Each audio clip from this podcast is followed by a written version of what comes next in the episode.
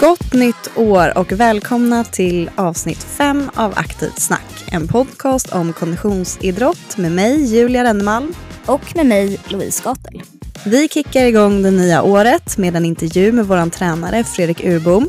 Och både jag och Louise befinner oss just nu i Åre och här hänger vi, myser och åker massor med skidor.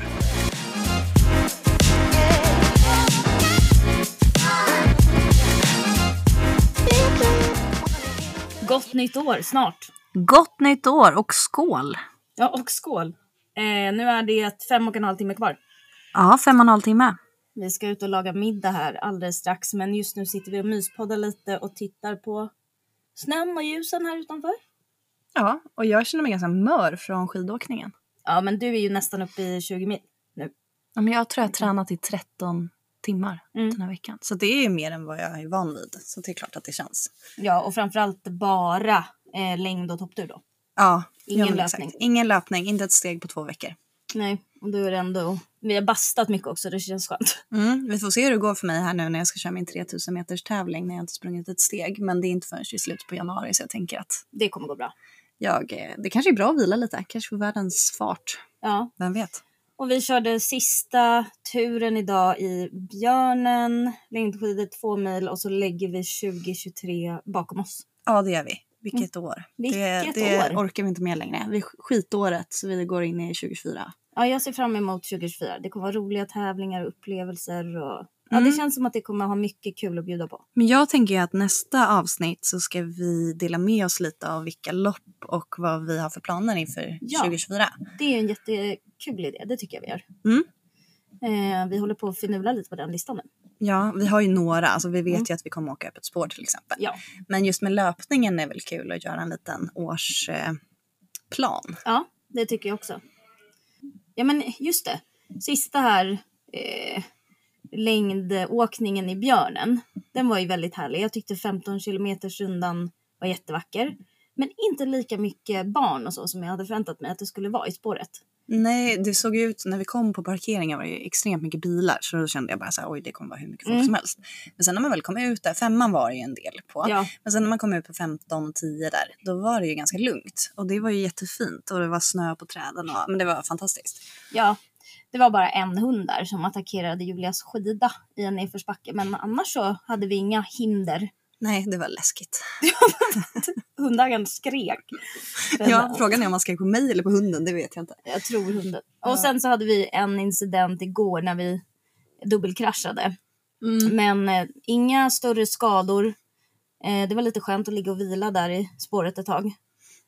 Ja, vi fick vila lite och eh, nej, men det var ju Visst lite hade han, han hade dragit spåret, eller de hade dragit spåret lite fel.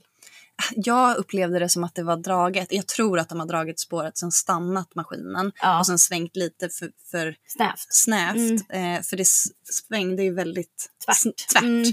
Eh, och därför ramlade ju du och sen körde jag ju rätt in i det där. Ah! Men jag hann ju ändå sätta mig ner lite innan Ja. så att jag hann ju bromsa in. Ja, nej men det var härligt. Och sen har vi gått topptur också. Ja, det var ju fint. Ja, det var, gick vi med Lina och Sanna som är liksom världselit i skimo och bergslöpning. Eh, så de hade lite lättare skidor än oss och lite smalare skidor också. Ehm, men det var en väldigt trevlig dag. Vi gick upp och ner där ganska många gånger så man fick ju både puls och lite ont i rumpan. Ja, det roligaste var ju skogsåkningen. Ja, det var ju helt kul. orört. Ja. Och där tog vi också alla fyra valde liksom olika vägar ner. Så var det så här, vart tog alla väg? Ja, men så kommer man ner där nere, då är man, så här, man tittar in i skogen. Höger, vänster, höger, vänster. Så bara, där kommer någon. Och så bara, där kommer någon. Man kommer liksom ner på olika ställen. Men det är jättefint. Alltså jag älskar den, eh, eh, vad ska man säga, den biten. Man åker ner där i skogen. Mm. Jätterolig. Så det var ju härligt. eh, Ja, det var lite skidor. jättefint. Ja, så mycket skidor, inte så mycket löpning. Eh, Nej, men ska vi inte kicka igång med intervjun här? Vi har ju Jo. med oss vår tränare idag, Fredrik Urbom. Eh, och eh, nej, men vi pratar lite om eh, farthållning, eh, Fredriks träning. Vi pratar lite om lopp. ja, Fredrik gav ju dig... Du ska ju springa 3000 som första lopp här i januari. Jag Mm. kanske ska springa det, jag har inte bestämt mig än. Men eh, han gav lite tips på det också. Pass som man kan köra innan ett 3000-lopp och hur man tränar för det. Ja, men precis. Och det, jag tyckte det var väldigt intressant att höra om eh, eh, ja, men Fredriks träning och hur det Mm. är att träna som elit och sen så liksom fortsätta med löpningen på så pass hög nivå ändå som han gör. Ja, och sen ger han också tips på sina favoritlopp i Europa. Och det var ju lite roligt att höra. Han har ju sprungit jättemycket lopp. Ehm, så det var kul att eh, få några ja, men, idéer och lite inspiration om vilka lopp man kan tänkas delta i. Mm. Ja, men så vi kör igång helt enkelt med nyårsintervjun. Ja. Välkommen! Välkommen!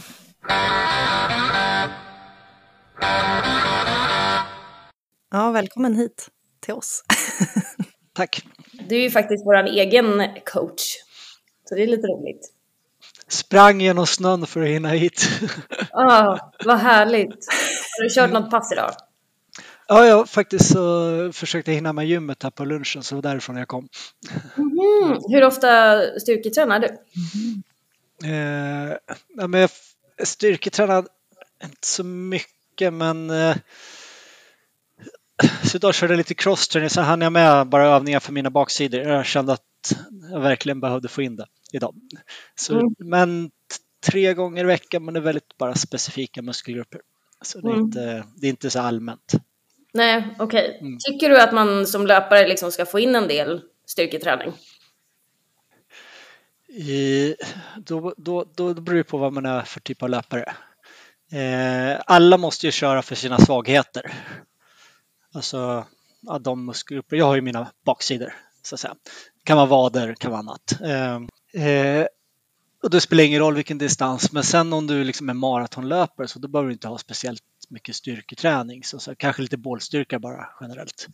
Eh, men är du medeldistanser då måste du ju köra en helt annan. Då, må, då måste du spendera mycket mer tid i gymmet. Med benstyrka och Mm. allt sånt här. Ja, jag satt ju och funderade här, eller vi pratade lite om det förut. Hur mycket, om du tränar någonting annat än bara löpning. Men lite styrka då. Ja, och sen crosstrain är ju en form av alternativ, men jag ser det återhämtningsträning eller så här aktiv återhämtning. Eh, och tidigare så var jag ute och lufsa, alltså väldigt lugn jogg, men det har jag liksom slutat med utan nu är det oftast att jag kör det på gymmet och kombinerar med lite styrkeövningar. Inte så mycket lufs längre.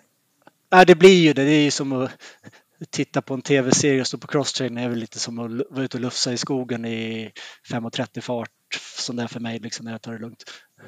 Ja.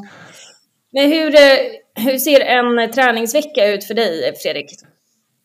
Ja, det, det var också en bra fråga för det varierar ju väldigt mycket. Men normalt är nu om man tar hösten så kör jag ju intervaller med Fredrikshov måndag och sen på tisdagar har jag mitt hårda pass oftast, egna hårda. Nu under hösten så har jag kört med Kalle Berglund väldigt mycket. Eh, eh, och sen på onsdag försöker jag köra intervaller igen med hovet där jag orkar då efter tisdagen. Och sen eh, torsdag, fredag brukar jag inte orka köra. Eh, fredag har jag som vilodag generellt. Bara. Alltså då blir det de här som nu gymmet på lunchen så nu slipper jag träna i eftermiddag. Eh, men generellt då, så torsdag kör jag om jag orkar men oftast gör jag inte det längre. Förut gjorde jag det. Då kunde jag eh, körde jag något form av alltså, intervall, alltså tröskelaktig intervall på torsdag också. Men nu har jag varit med lite med den tränare som heter Bamse som kör med ett juniorgäng. Eh, och de kör häckgång och liksom löpskolning i backe. Och så. Det har jag varit med på på torsdagar. Jaha, vad roligt.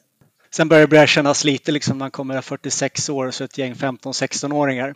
Och sen kör jag ett hårt pass på lördagar och så söndagar och ja, ute och springer.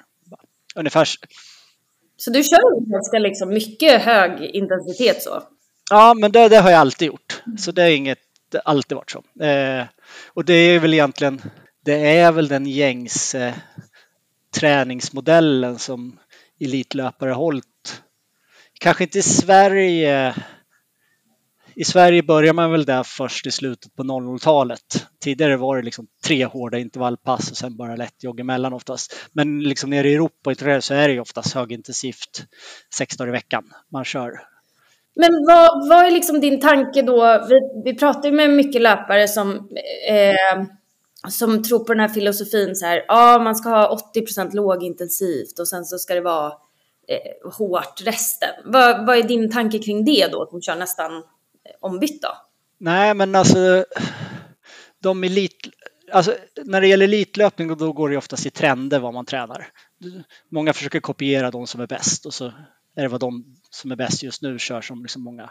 Så nu är det ju Ingebrigtsens träning som alla kopierar. Och tidigare har det varit andra. Så det där har varierat. Men, men det som är generellt är ju att det är, det är aldrig den här riktigt mellanmjölksträningen på det sättet att man bara är ute och lufsar utan det är, det är relativt hårda pass sex dagar i veckan. Eh, men det är väldigt, väldigt kontrollerat. Mm. Det går aldrig för hårt. Liksom så. Det går aldrig för hårt, precis. Eh, och det är ju samma egentligen med den här dubbeltröskelmodellen. Då, har du ju, då kör du det två dagar i veckan, sen oftast nu så kör de ju ett backpass eller ett hårt pass. Mm. Eh, och det är också, det, går, det är aldrig, det håller i samma modell, det är hårt men det är aldrig för hårt. Och när man tittar på de enskilda passen så är de enskilda passen är aldrig hårda. Mm. Men slår du över och tittar på en hel vecka, då är veckan väldigt hård. Men du mäter inte laktat eller något sånt när du kör heller? Nej, jag, jag, alltså hade jag varit eh, 22 eh, år och superseriös hade jag gjort det. Men jag känner inte att jag behöver det och jag känner, känner att jag sprungit så himla mycket så att jag känner det där själv. Jag behöver inte hålla på och mäta. jag... men det här var ju faktiskt någonting som var lite kul som jag och Julia snackade om innan. Mm. Du är ju kanske en av Sveriges bästa på att känna fart.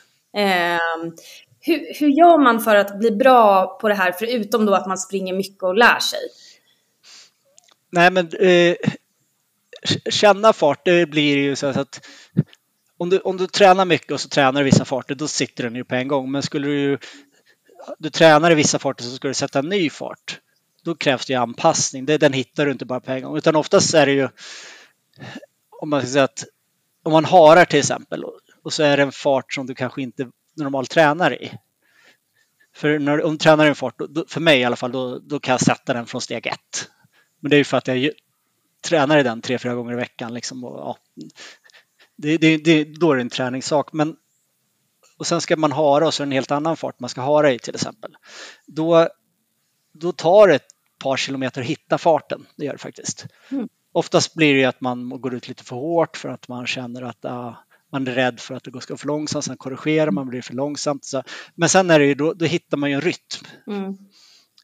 Eh, att ja, men nu har jag hittat farten, då är det en rytm, det är alltså en känsla helt enkelt. Det är väldigt abstrakt. Mm. Utan du hittar en känsla och en rytm i löpningen och så håller du känslan och rytmen och då brukar oftast farten hålla. Och sen kommer det där att om du blir trött sen, då måste du börja tänka om och börja kanske ta i lite. Men det där, om du har ett maratonlopp och har, då har du oftast överkapacitet mot när du har och då kan du sätta den där första två kilometer hittar du farten och sen kan du hålla den kanske upp till 25 utan egentligen tittar ju av stämmer av med klockan men det hade du egentligen inte behövt för du har hittat farten. Och det är rent bara en rytm och en känsla i löpningen. För mig är det det i alla fall. Ja, det där är lite svårt. Jag känner inte av den där rytmen. Nej. Jag är lätt att jag dras med. Ja, men som när vi har träningarna så. Att man bara hakar på någon och sen ja. kör man. Och sen så går man lite för hårt och så blir man trött. Ja, men det är det är, det är, det är där lite som är roligare att träna i grupp också. Att hänga på. Som när vi körde på Bosön nu sist. Men det blir ju att det går lite för fort då. Så det är en avvägning där. Det är väldigt svårt mm. att hålla tillbaka. Ja, och sen tycker jag hur man ska tänka kring träning och just det där och hålla igen, det beror ju på hur mycket man tränar.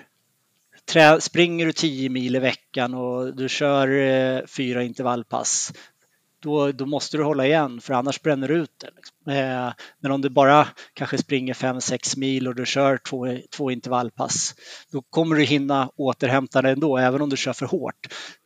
På de där intervallen. Sen kanske inte, sen kanske inte det är rent fysiologiskt det mest optimala, men det kanske är det roligaste.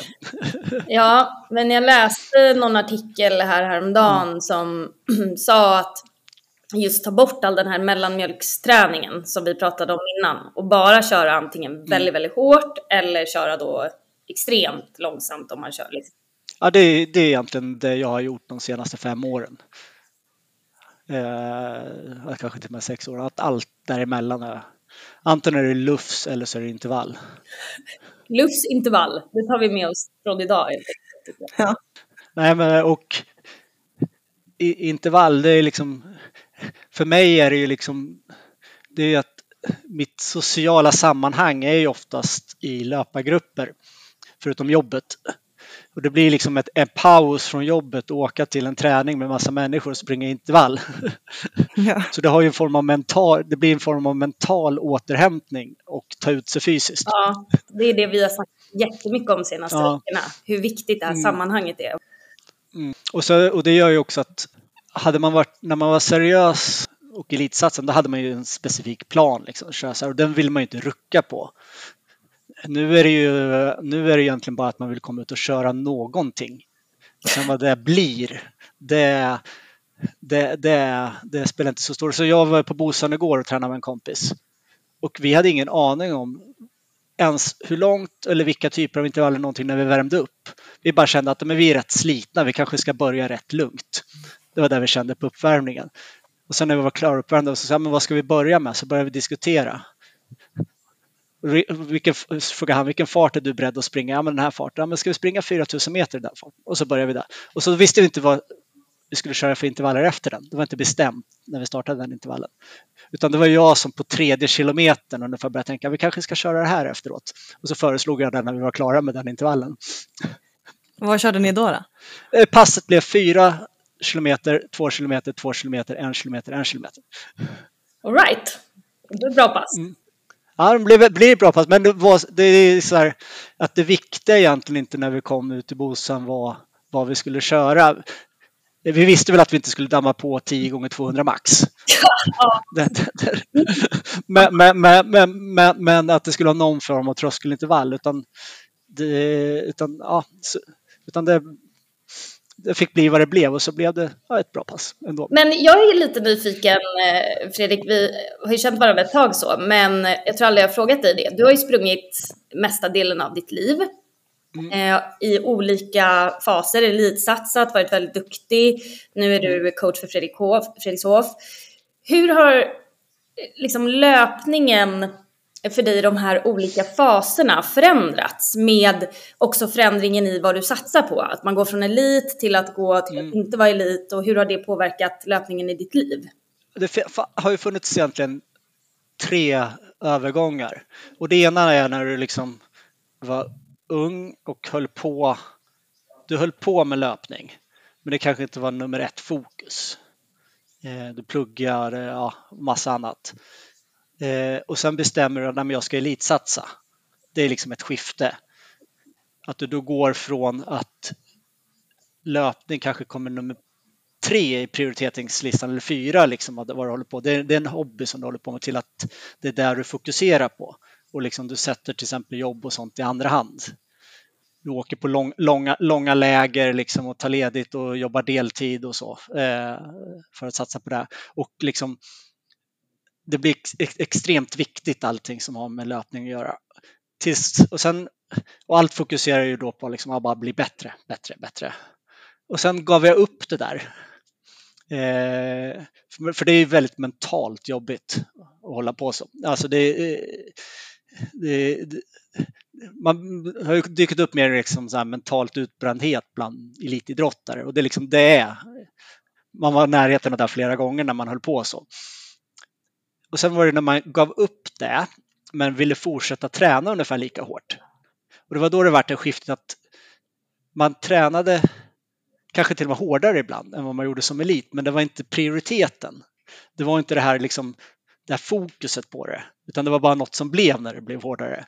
Och det, det, mitt skifte för det var efter säsongen 2011 till 2012. Sen hade ju jag jättebra säsonger med finkamper och SM-medaljer och så efter det också, men det var inte, då var inte det det viktigaste. Det var det innan 2011 och då var det det viktiga. Men efter, då var det mer, det viktiga var egentligen att åka runt med ett gäng Eh, David Nilsson var en i det här gänget till exempel som han håller på fortfarande några till. Det viktiga var egentligen att åka ner till Europa och springa en halvmara och dricka öl efteråt. Det var mer, det var mer viktigare än själva prestationen.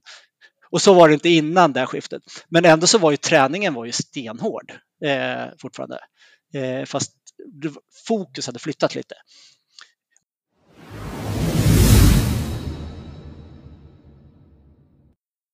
Nej, men för min fråga är väl mer så här, vad är tanken bakom programmet? Jag förstår ju att vi tränar till olika lopp och sådär, olika mm. säsonger. Eh, men har du, eller hur tänker du när du lägger upp ett år sådär, eller en period? Alltså dels är det block. Mm. Eh, block som beror lite på säsong. Eh, och, men sen framförallt är det ju att det ska inte vara det ska ju vara lite, genere, det är lite generellt, generella trender. Alltså tank, grundtanken är ju att det två dagar i veckan ska finnas bra intervallpass som alla kan komma och köra. Oavsett egentligen vilken fas de är i så ska de kunna vara med i alla fall någon gång. Alltså eh, oavsett om de går mot mara eller mot kortare distans ska kunna vara med en gång i veckan och det ska funka i, i programmet. Så det ska vara liksom så här. Passen mm. är ju rätt hårda och det är ju exakt samma pass som egentligen elitlöparna i andra klubbar kör. Eh, men, men, men, tanken är ju liksom att att det ska vara en öppen gruppträning för alla som vill köra hårda intervaller ska bara kunna dyka upp och så ska det kunna passa. Lite så här. Mm. Och eh, de här onsdagspassen då kör, man, då kör vi långa trösklar och det är ju någonting, det gör man ju som löpare oftast mm. året om. Eh, och sen eh, det kortare, snabbare passet, det är också det är också liksom ganska generellt. Eh, det är, är ju eh, antingen backe eller 400 eller någon variant på det hela. Och sen kan det vara just mot specifika tävlingar när man vet att många i klubben ska visa att man anpassar det mot den, just den mm. distansen. Men om du tar liksom det här generella träningsupplägget nu som många har som kopierar Ingebrigtsen, då är det ju det är ju sex minuter 400 och sen är det väl också någon så här sex minuter och tusingar andra gången och så är det backe. Så liksom det, det, passar in i det schemat också. Det är väldigt generella pass som alla egentligen kör återkommande som håller på med elitlöpning. Och så är det ju på den nivån att det är att det är ju egentligen pass som är, är kopierade från hur elit kör men som ska då, som man kan som om, man, om man orkar springa 15 kilometer så ska man kunna orka köra dem ungefär så. Men anpassa farten så att säga. Mm. Men tanken är väl ändå att man ska orka också både mm. måndag och onsdag. Men jag kör ja. ju oftast kanske bara en dag. För att jag tycker att det blir lite tufft att köra båda. Det blir ju tufft om man kör måndag och onsdag något eget och sen ett långpass. Och, och, eh, eller jag brukar skriva mm. ut ett tredje pass också som man kan köra själv. Och liksom, kör man de här tre intervallpassen och ett långpass, då har man ju en tuff vecka. Så, och det passar ju inte, det passar ju inte alla mm. och det passar ju inte alla i alla perioder. Men det är ju det som är med, med en eh, när, när en träningsgrupp som tanken är att det ska vara öppet, att då, då är det svårt att göra så individuella anpassningar utan då blir det så att om man har varit sjuk eller liksom, då kanske man kan komma på träning men man kanske inte ska köra hela passet och det där har ju många svårt för. Ja, men jag låg i influensa förra veckan eh, och nu är det 20 gånger 4 då ska jag köra 4 gånger 4 Nej, ja, det kanske, man kanske bara ska köra 12.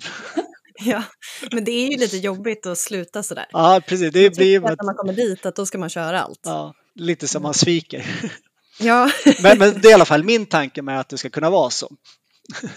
Eh, så, så det, liksom tanken är att det, ja, min, min tanke med just Fredrikshovpassen är att det ska vara generella pass som de flesta kör återkommande och som det bara liksom är att man vet att det, det här sker måndag och onsdag så det är bara dyka upp och köra egentligen. Mm. Härligt. Vad är det du tycker är kul då att vara coach i Fredrikshof? Nej, det roliga är att vara med själv på passen. Ja. Jag kan aldrig se mig själv som en cykelcoach eller en som bara står med klockan.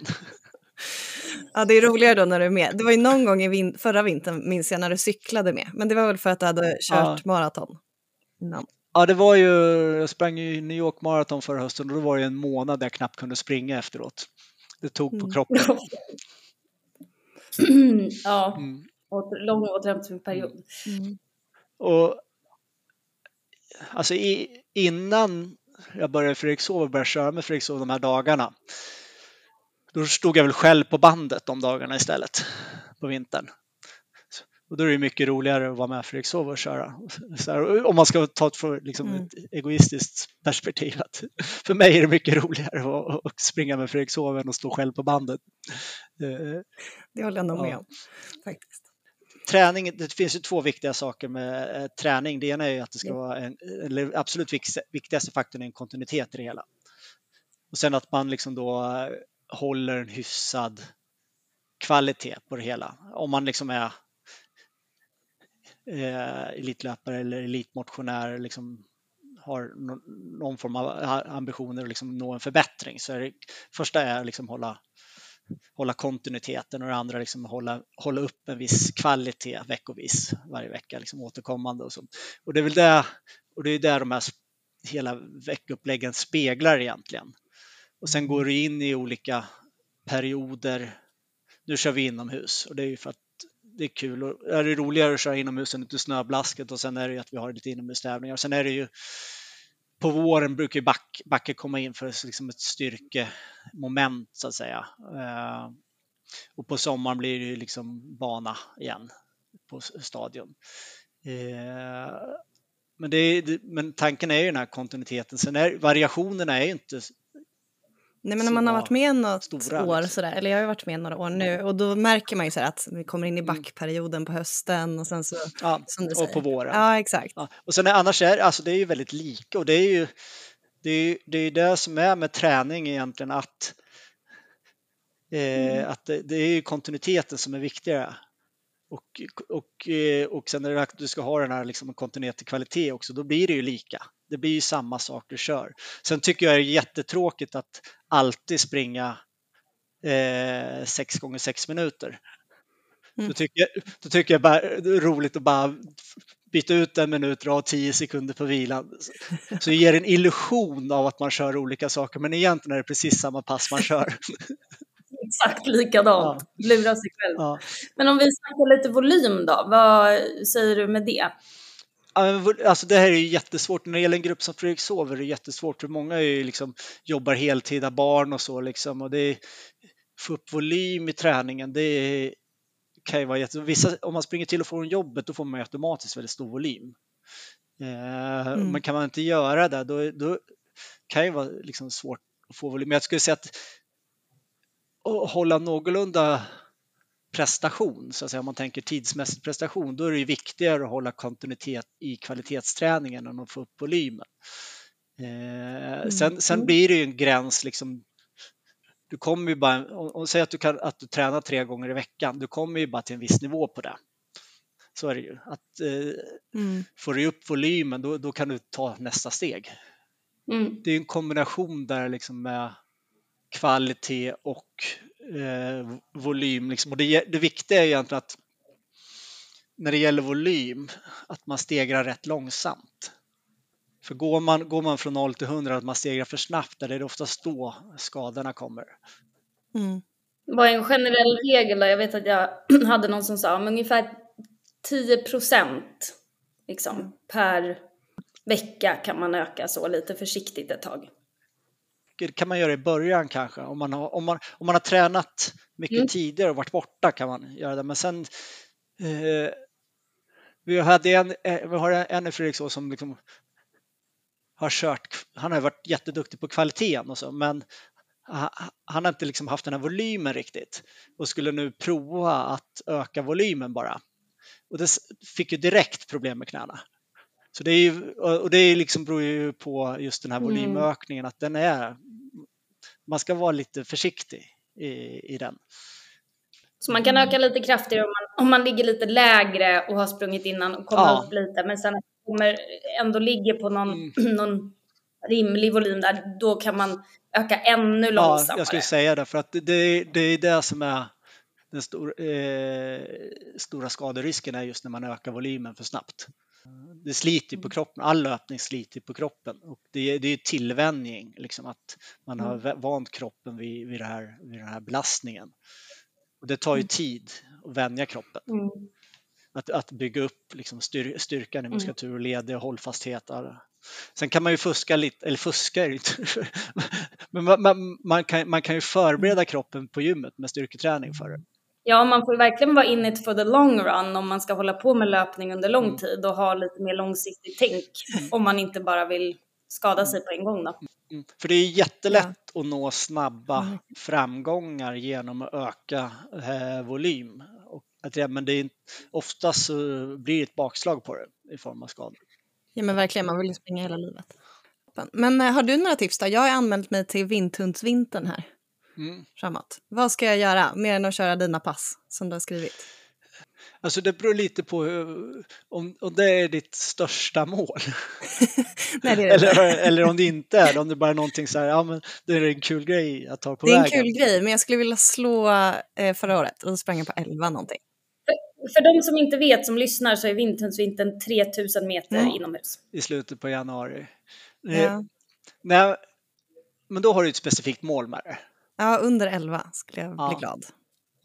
Och då, och då, eh, då handlar det ju om att du ska kunna då springa väldigt avslappnat i 340 fart Mm. utan att du drar på dig för mjölksyra, alltså mjölksyra så du orkar hela 3000 meter i den farten. Mm. Eh, så du, du ska kunna vara avslappnad i ett löpsteg i 340. Mm.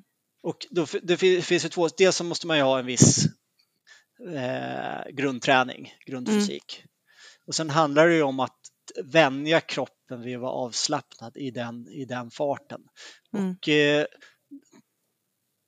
om, det känns, om det känns som man sprintar i den farten, då det kan det göra. För mig gör det det när jag kommer från att liksom, ska springa kortare och man bara mest tränat långt, då känns det som att man trycker max i en Ja. fart. Eh, som man då har tänkt, ja men det här ska jag tävla i. Och då, då, då gör man så här, man börjar att köra väldigt korta intervaller Mm. och håller farten. Eh, och det är egentligen det är egentligen motorikträning för det behöver inte vara speciellt hårt. Hur långa är de då, ungefär? Ja, men 200-400. För Okej. om du, nu är det 3000 du ska springa, alltså Mm. där någonstans. Och det blir, inte, det blir inte jättehårda pass, men du vänjer ju kroppen att, och du vänjer ju fysi- alltså ditt, anpassar ditt steg och så till att ligga i den farten så du bygger upp någon form av tillvänjning att liksom springa avslappnat i den farten. Mm. Och sen när man har vant sig vid det att ja, men nu går det rätt avslappnat att hålla den här farten. Jag behöver inte spänna mig någon så i kroppen. För är, om du börjar, behöver spänna dig så det är då- det är då du börjar dra mer syra liksom och ja, Mm. Så jag ska hitta rytmen helt enkelt? ja precis, hitta rytmen. Och sen, och sen gäller det ju då att ja, ko- korta intervaller i hög fart, med, Ja. om man får vila lite, det klarar ju alla.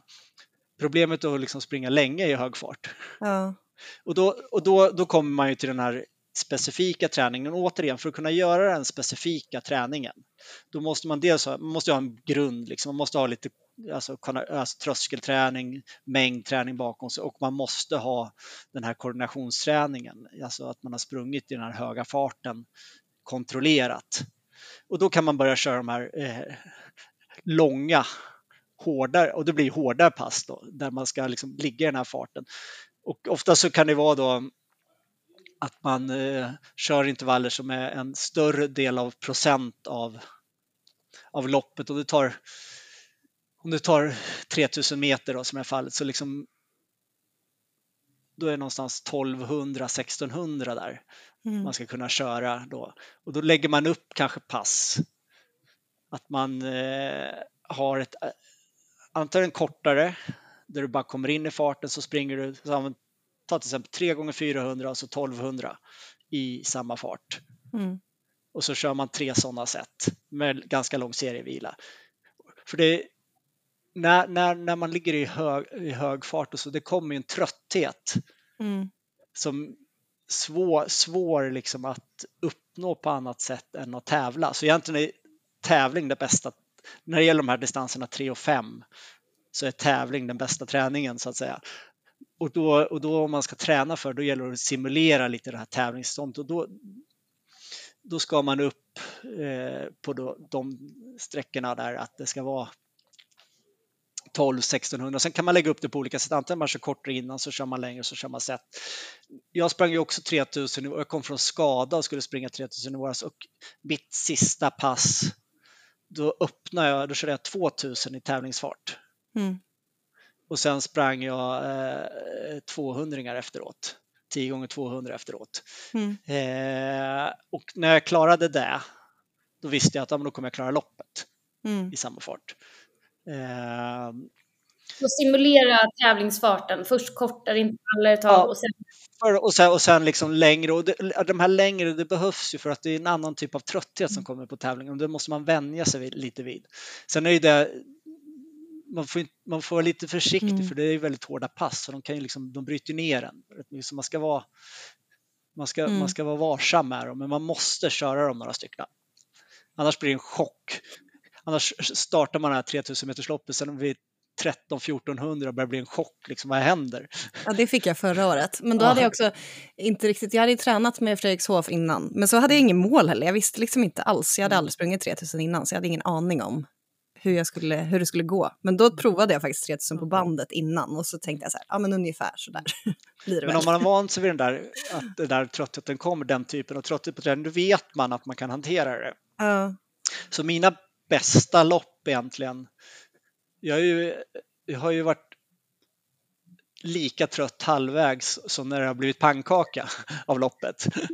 Eh, Men jag har liksom haft en förberedelse så att jag känner att ja, men, eh, det, här, det här är svinjobbigt men jag kan kontrollera Mm. det. Och så vet jag att ja, men jag är mer än halvvägs kvar ändå. Men, eh, och sen när, väl, när man väl kommer över så att man har en mindre del av loppet, så alltså, sista, var, sista 400-500 brukar aldrig vara några problem. Då ser man ljuset i tunneln så att säga. Så, så man tränar egentligen för 3000 meters lopp, där man tränar för när du kör specifikt, det är att hålla farten mellan 1500 och 2,5 så kan man säga. Men hur gör du liksom mentalt? För du verkar ju ha, det finns ju ett väldigt känt klipp på dig när du får kramp tror jag, på finkampen. Hur gör du mentalt? För det är väldigt få som orkar pusha sig dit, till den gränsen. Och det är inte alltid det går. Alltså, Nej. Jag ger ju upp mentalt många gånger och har gjort också, så det, det, det är inget, utan det handlar om i vissa tillfällen när man bara får en så här jävla fighting spirit och inte ska ge sig. Men det, det några speciella tankar, eller händer det bara att du kommer in i det? Eller är det, har du något speciellt eh, du tänker? Eller för att komma dit? Eller bara sker det ibland? det bara sker. Jag skulle säga att det är, en, att det är något som triggar en, så att säga. Eh, och det kan vara att kan vara under ett lopp att du springer med någon som du absolut inte vill släppa till exempel. Eh, och då pushar du kanske över gränserna för att inte släppa. Mm. Eh, och det är inte planerat eller så, det, bara, alltså det blir en sån grej. Eh, och när det gäller just det loppet, då var det ju jag kände ju att det här går ju åt helvete. alltså jag är, jag är totalt väggat. Men det var ju att jag var ju, jag var ju inte sist i loppet. Jag var ju liksom, det var ju en, en som var långt efter och eh, jag pushade på för att komma i mål och han aldrig skulle komma fatt. Det var därför jag liksom kämpade för att den killen där som ligger 100 meter efter, han ska inte kunna komma i fatt. Eh, och det gick inte. Men, eh, Mm. ja. Det, så, det ser ju lite läskigt ut när man tittar på det, men det, det, är, det är liksom inte, det är inte lika farligt som det ser ut, men det ser ju ut som väldigt så Ja, chockande. men det, har hänt, det har hänt flera gånger, alltså liknande med mig. Och det har också äh, oftast varit så, så att jag har väggat men jag har haft någon bakom mig som jag absolut inte vill ska komma ikapp så jag har pushat på ändå trots att kroppen har skrikit att jag borde sluta springa ungefär så. Jävlar mamma alltså. Nej, men alltså, jag har hamnat i sjukhustält några gånger till. Så här. En gång stöp jag med fötterna, gick aldrig över mållinjen. Jag, så jag låg, låg, låg liksom med fötterna, eh, kvar, alltså kroppen var över mållinjen, så, Nej. så kom läkaren och hämtade mig och bar ut mig på bår. Det finns inte på film, det var i, i Det var ju Belgien. synd, det hade ju varit lite spännande att se. Men fick du en tid då för att man är över kroppen? Eller Nej, det, det är bålen som räknas. Okej. Julia, det är det som är strategin på vinternsvinkeln. Du ska bara Mm. över med kroppen. Ja, Mm. jag ska bara lägga mig över mållinjen. Men jag låg, låg en timme med över 200 i puls då i, i sjukhustältet. Oj. och bara hyperventilera. Nej, men det kan ju inte vara hälsosamt, Fredrik. Nej, det kan inte vara. Och sen när det väl släpper, när allt lugnar ner sig, då, då, eh, då spyr det ut allting. Så då spyr kaskadspyor liksom så här. Och kan inte få i med någonting utan man bara spyr, spyr, spyr. Mm. Så, så, så, så det, nej, det kan inte det är inte hälsosamt. Skulle jag påstå. Löpning är jätteroligt allihopa. Exakt, spring mer. Men det, det, är rätt, det, det är rätt roligt i efterhand att prata om. Så. Ja, ja men jag håller med. Men då, då måste man ändå tänka, vad gör jag för någonting? Nej, men jag hade ju, senaste hände var ju New York Marathon förra hösten. Då höll jag ju på att rasa ihop flera gånger sista kilometerna. Jag kände liksom så att benen höll på att vika sig för mig. Eh, och så här, och, eh, så rasade jag ihop direkt efter mållinjen och då kommer de med en rullstol. Och du vet, så här, jag tänker ja, det är perfekt för mig, jag behöver en rullstol. Det är precis, men det var verkligen så här, vad skönt att sätta sig i rullstol. Men så kommer en jäkla sjuksköterska och säger nej, du ska inte åka rullstol utan du ska röra dig. Så får jag gå hängande på två sjuksköterskor och hålla på och promenera. Nej! Och jag var så sur över det där, jag vill åka rullstol. Vem var rullstolen till då? Det var till någon annan. Nej, men det var de trodde jag behövde den då, men det var en sjuksköterska som bestämde att jag inte behövde den. Jag tyckte jag behövde den. Sen satt jag på en, eh, en stol och kunde inte få i mig någonting förutom vatten så fort jag, eh, jag satt i två timmar, så fort jag fick i mig något, alltså tog en bar eller, eller något, någon sportdryck eller så, då kräktes jag. Det bara vände, magen kunde inte ta emot det, utan det var bara vatten jag kunde dr- dricka. Ja, kroppen eller hjärnan glömmer trauma fort. Sen står man där på Ja. startlinjen igen. Mm.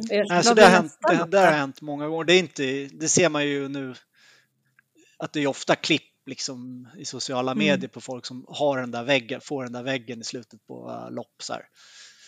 Och oftast är det ju maratonlopp, liksom, folk har bestämt sig, nej men jag ska i mål. Så är det lite jobbigt att ta sig mål sista hundra, de, de får krypa.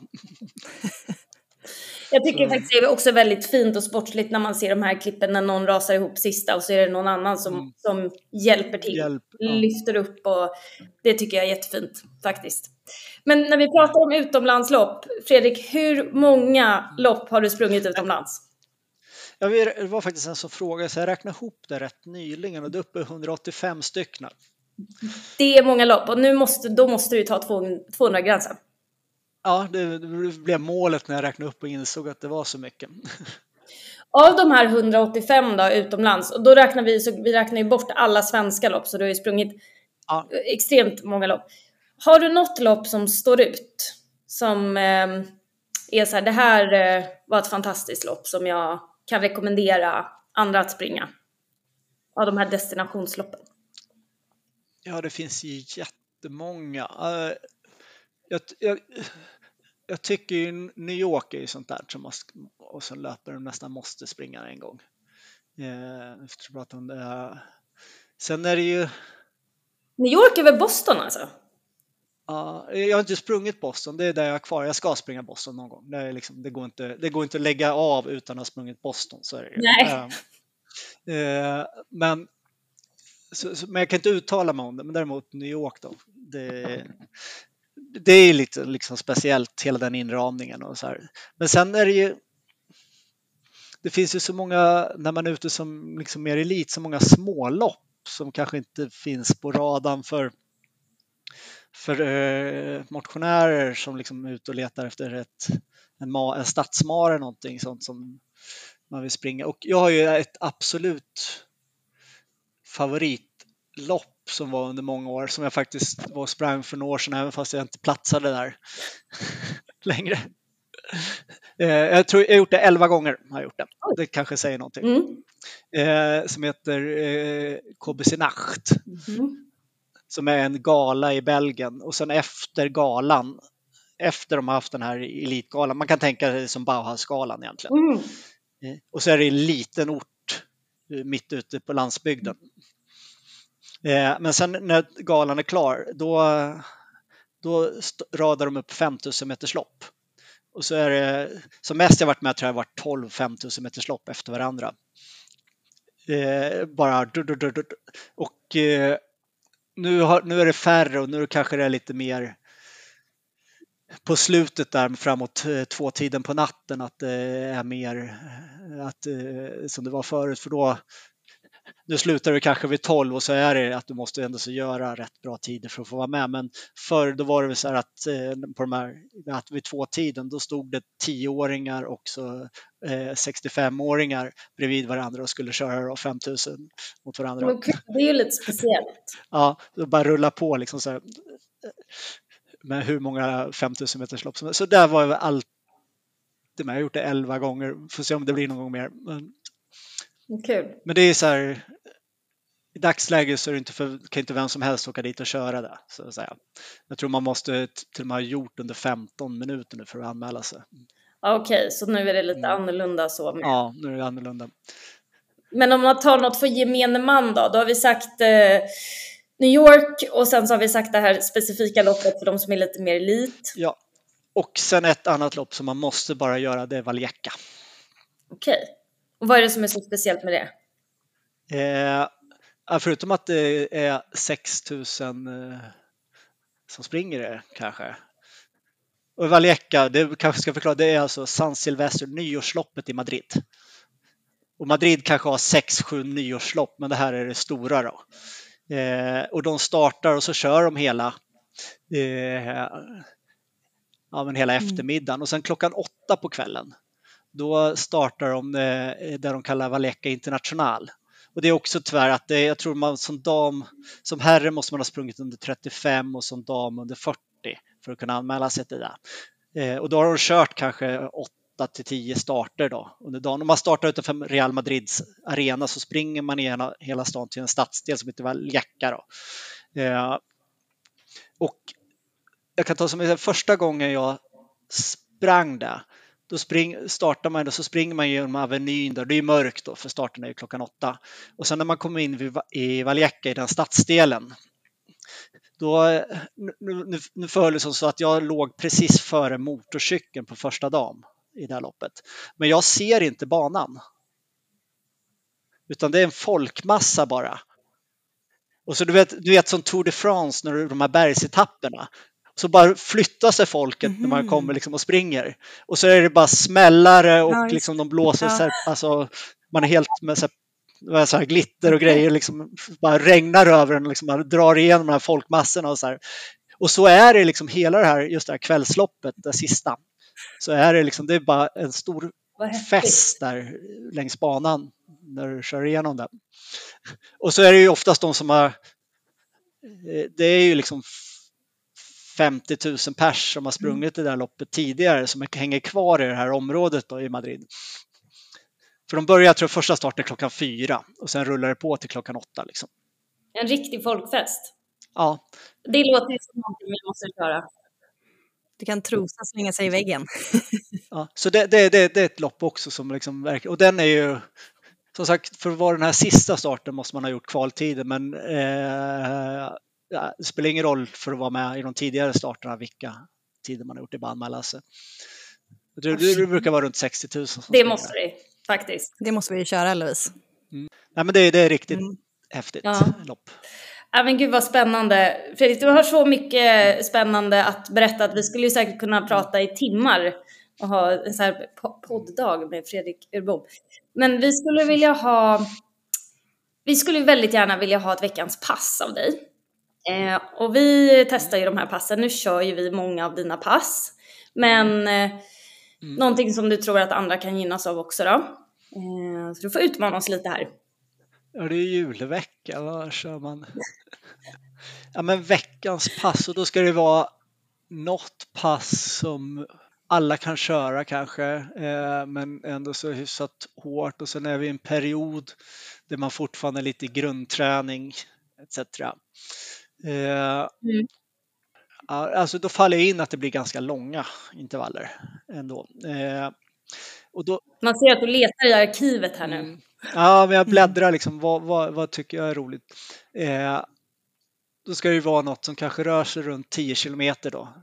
Det är liksom det funkar både om man tränar för halvmara och man tränar kortare. Det ska vara tröskelbetonat. Så vi säger så här bara för mm. att det inte ska vara allt för lätt eller för mainstream så säger vi ja.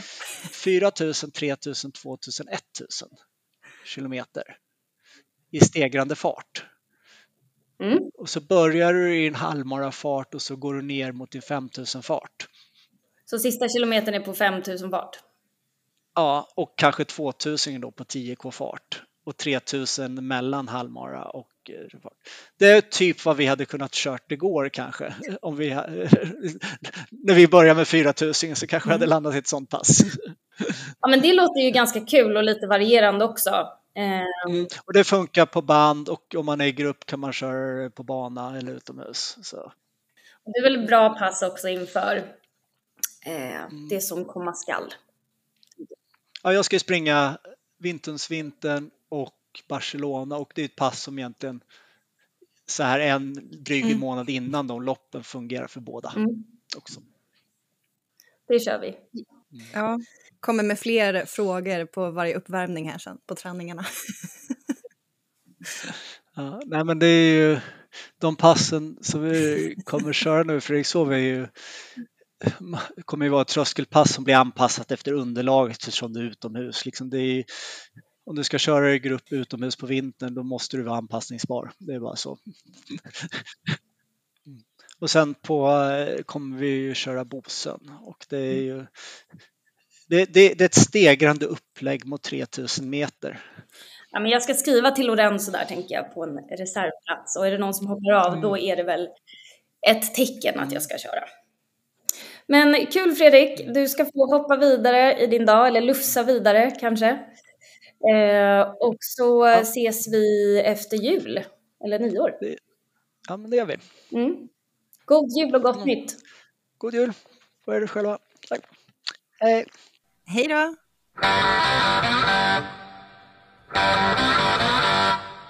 Gott nytt år! Gott nytt år! Och god fortsättning. Ja, det blir nog god fortsättning när ni lyssnar på det här. Ja. Eh, ha det bra så hörs vi igen nästa vecka. Det gör vi. Hej! Hej då!